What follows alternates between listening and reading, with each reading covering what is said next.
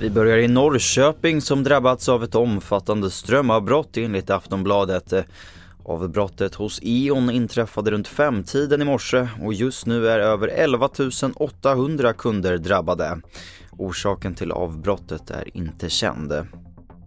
Centralbankschefer världen över välkomnar beskedet att den krisdrabbade storbanken Credit Suisse köps upp av konkurrenten UBS.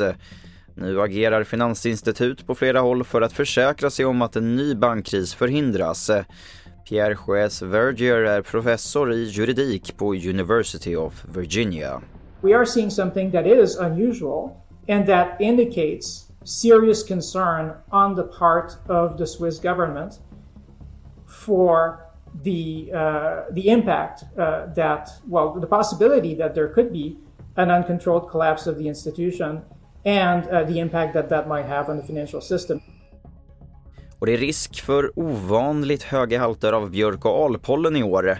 Om temperaturen stiger mot 15 grader kan det komma mycket på samma gång. Ja, det säger biologen Ås Lögedal vid Göteborgs universitet till TT. Fjolårets al och björkblomningar var dessutom relativt små och därför väntas mer i år. Och det får avsluta TV4-nyheterna. Jag heter Albert Hjalmers.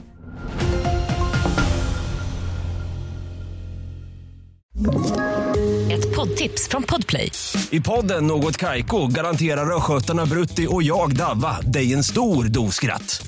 Där följer jag pladask för köttätandet igen. Man är lite som en jävla vampyr. Man har fått lite blodsmak och då måste man ha mer.